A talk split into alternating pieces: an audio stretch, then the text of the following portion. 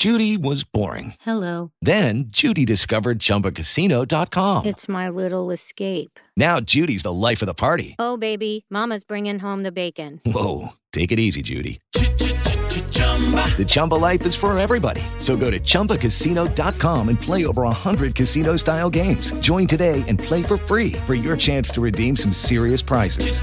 chumba ChumbaCasino.com. No purchase necessary. Prohibited by law. 18 plus terms and conditions apply. See website for details.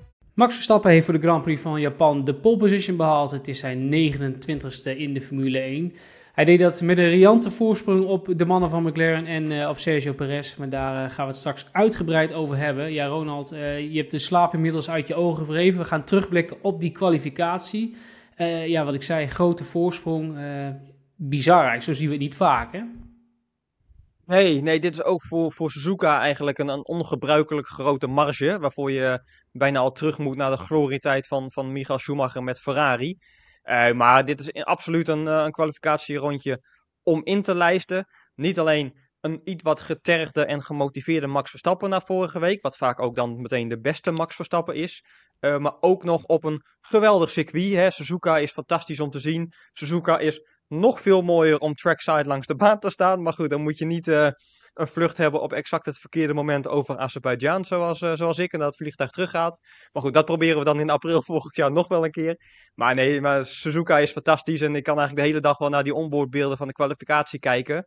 Zeker ook, want dat is uh, veel beter dan dit wordt de Formule 1 niet. Zeker ook de Pfizer Cam door de S's, hè, wat het mooiste gedeelte van de kalender is. Dus deze ronde van Max en Suzuka in een kwalificatie, dat is echt een, een gouden combinatie. En dat hebben we vandaag wel weer uh, gezien. Ja, we zeiden het al, de voorsprong de rest is heel groot. Waar maakte Verstappen eigenlijk het verschil in de kwalificatie? Ja, dat is interessant. Kijk, uh, gisteren hebben we daar in de, de F1-update ook wel een beetje aandacht aan besteed, hè, met wat data en, en telemetrie. Toen heb ik al laten zien dat Max vooral in die S's heel veel verschil maakte. Uh, maar het leuke is, en dat zag je vandaag heel goed, dat je daar, althans, dat Max daar mee kan spelen als coureur. Omdat, zeker nu het zo heel warm is in Suzuka, je rondjes verschillend op kunt bouwen. Uh, en dat zag je in de derde vrije training goed. Zag je ook in de eerste kwalificatiesegmenten goed. Dat Max er toen ietsje rustiger aandeed in die S's. Hè, dat McLaren een fractie sneller was soms in sector 1. Maar dat Max daardoor nog meer van de banden over had in sector 3. En dat hij daar dan 2, 3 tiende minimaal terugpakte. Nou goed, dan, dan komt de beslissende fase van Q3. Uh, en dan komt vooral een leuke boordradio aan het eind hè, met Giampiero Lambiase. Van uh, zo, die 1,28 is ook uh, in de pocket. Nou, daar ging een beetje een verhaaltje aan vooraf. Dat Lambiase al tegen Max zei: 1,28 zou wel leuk zijn. Max zei toen, nou geen probleem, uh, full cent gaan we zo meteen. Waarop Lambiase zei, ja prima, maar niet crashen.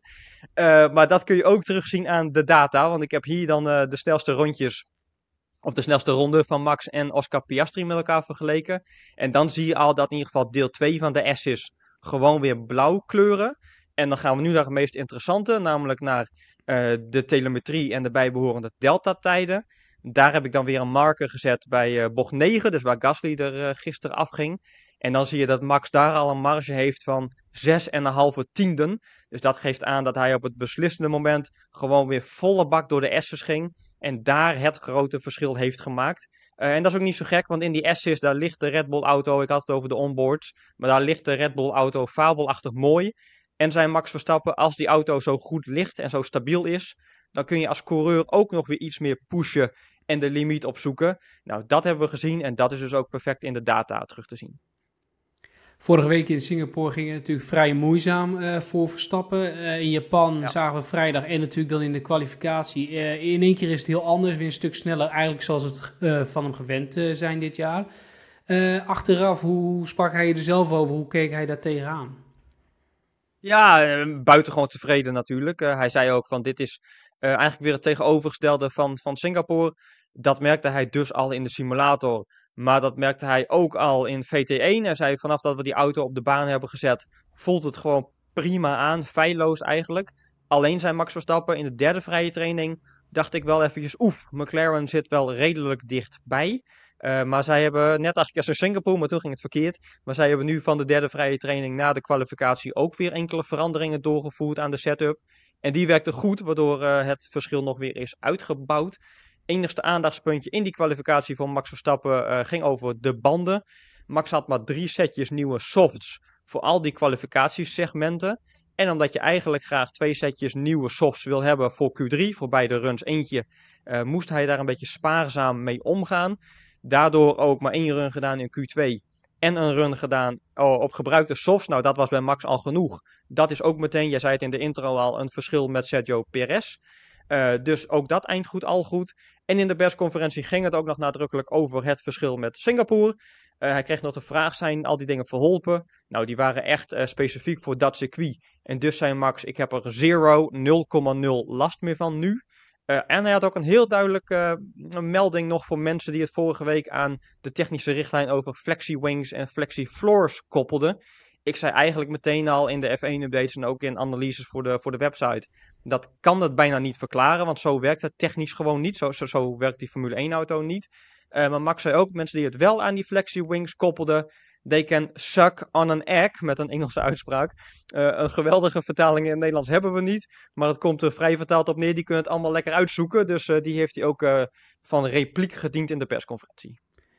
Ja, en donderdag zei Verstappen al dat hij zou verwachten dat McLaren heel sterk zou zijn dit weekend. In de kwalificatie bleek dat ook, want Piastri tweede en Norris start morgen dus als derde.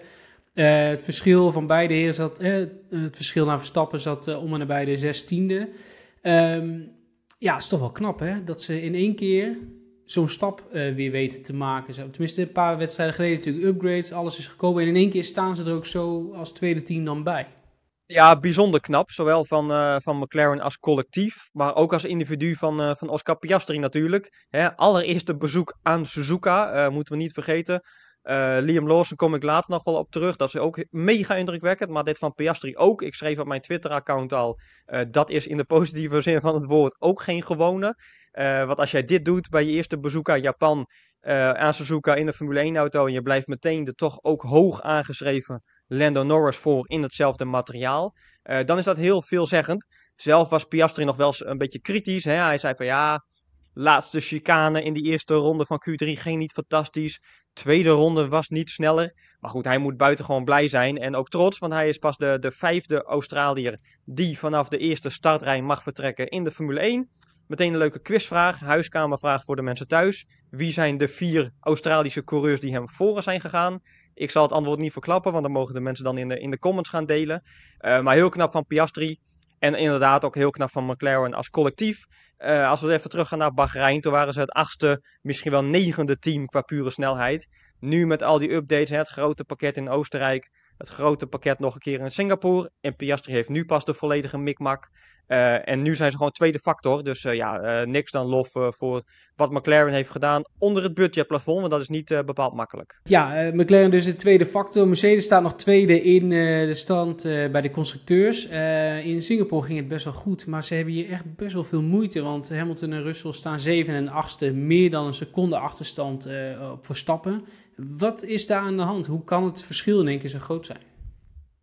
Ja, dat zie je, die, die performance uh, swings zie je natuurlijk wel vaker dit jaar. Uh, gewoon van het ene circuit naar het andere. Zeker omdat het achter Red Bull wel vrij dicht bij elkaar zit. Uh, en dit circuit past gewoon niet zo goed bij de Mercedes. Hebben het gisteren aangestipt met quotes van Lewis Hamilton. Hè? Singapore heeft eigenlijk geen snelle bochten. Daar gaat Mercedes goed.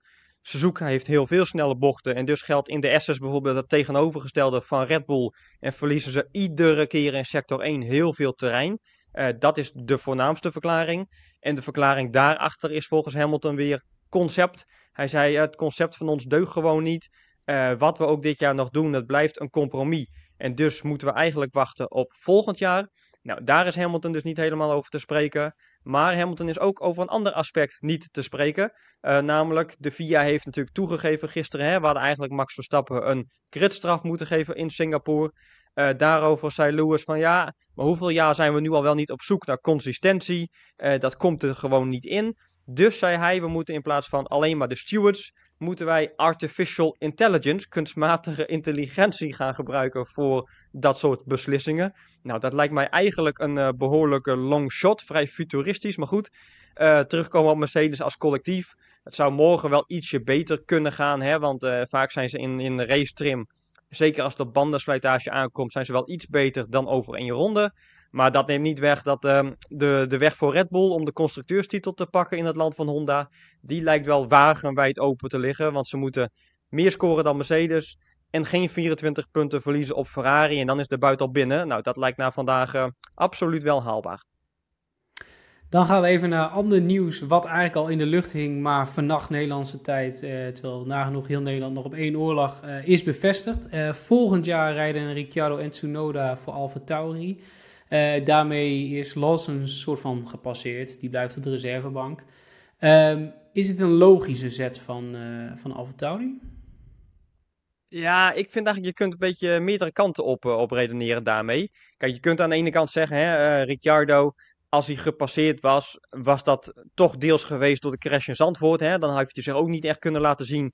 Dat was misschien ook een beetje sneu geweest. Uh, daar komt nog bij dat er misschien al wel toezeggingen waren gedaan voor dat moment.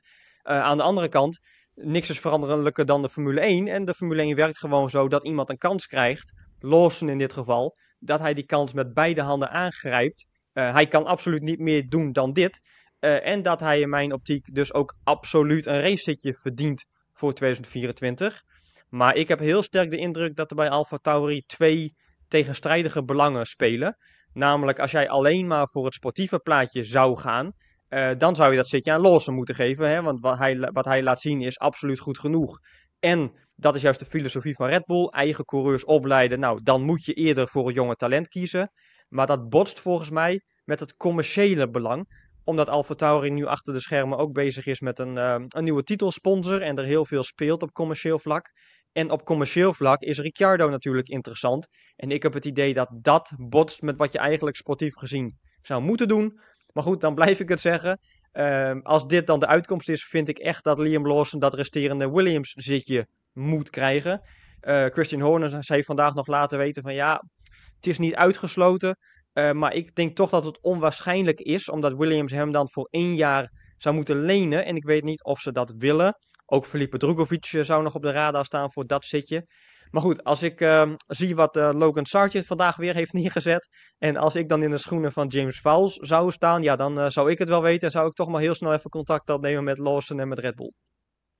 Dan sluiten we af even met Red Bull. Ehm, de dag van morgen. ze kunnen de constructeurstitel pakken. Uh, gaan ze dat vieren, denk je? Kunnen ze dat gaan vieren aan het eind van, uh, van de wedstrijd? Ja, die, kans is natuurlijk zeer reëel. Uh, ook al is het maar omdat de Red Bull auto vaak in de race nog weer wat beter is dan in de kwalificatie. Hè? Dat is een beetje het patroon van dit jaar en ook van vorig jaar. Nou ja, ik heb nog geen uh, informatie, geen specifieke data ontvangen van VT3. Maar ik heb wel die van VT2, dus van vrijdag, bestudeerd. En daarin was Max meer dan 16 sneller qua race pace dan wie dan ook. Uh, dus dat geeft wel aan hoe de verhoudingen een klein beetje liggen. Kom nog bij, ik zei het al, hè, Suzuka heel erg warm dit keer. Uh, dat betekent dat de bandenslijtage een enorme factor van belang gaat worden.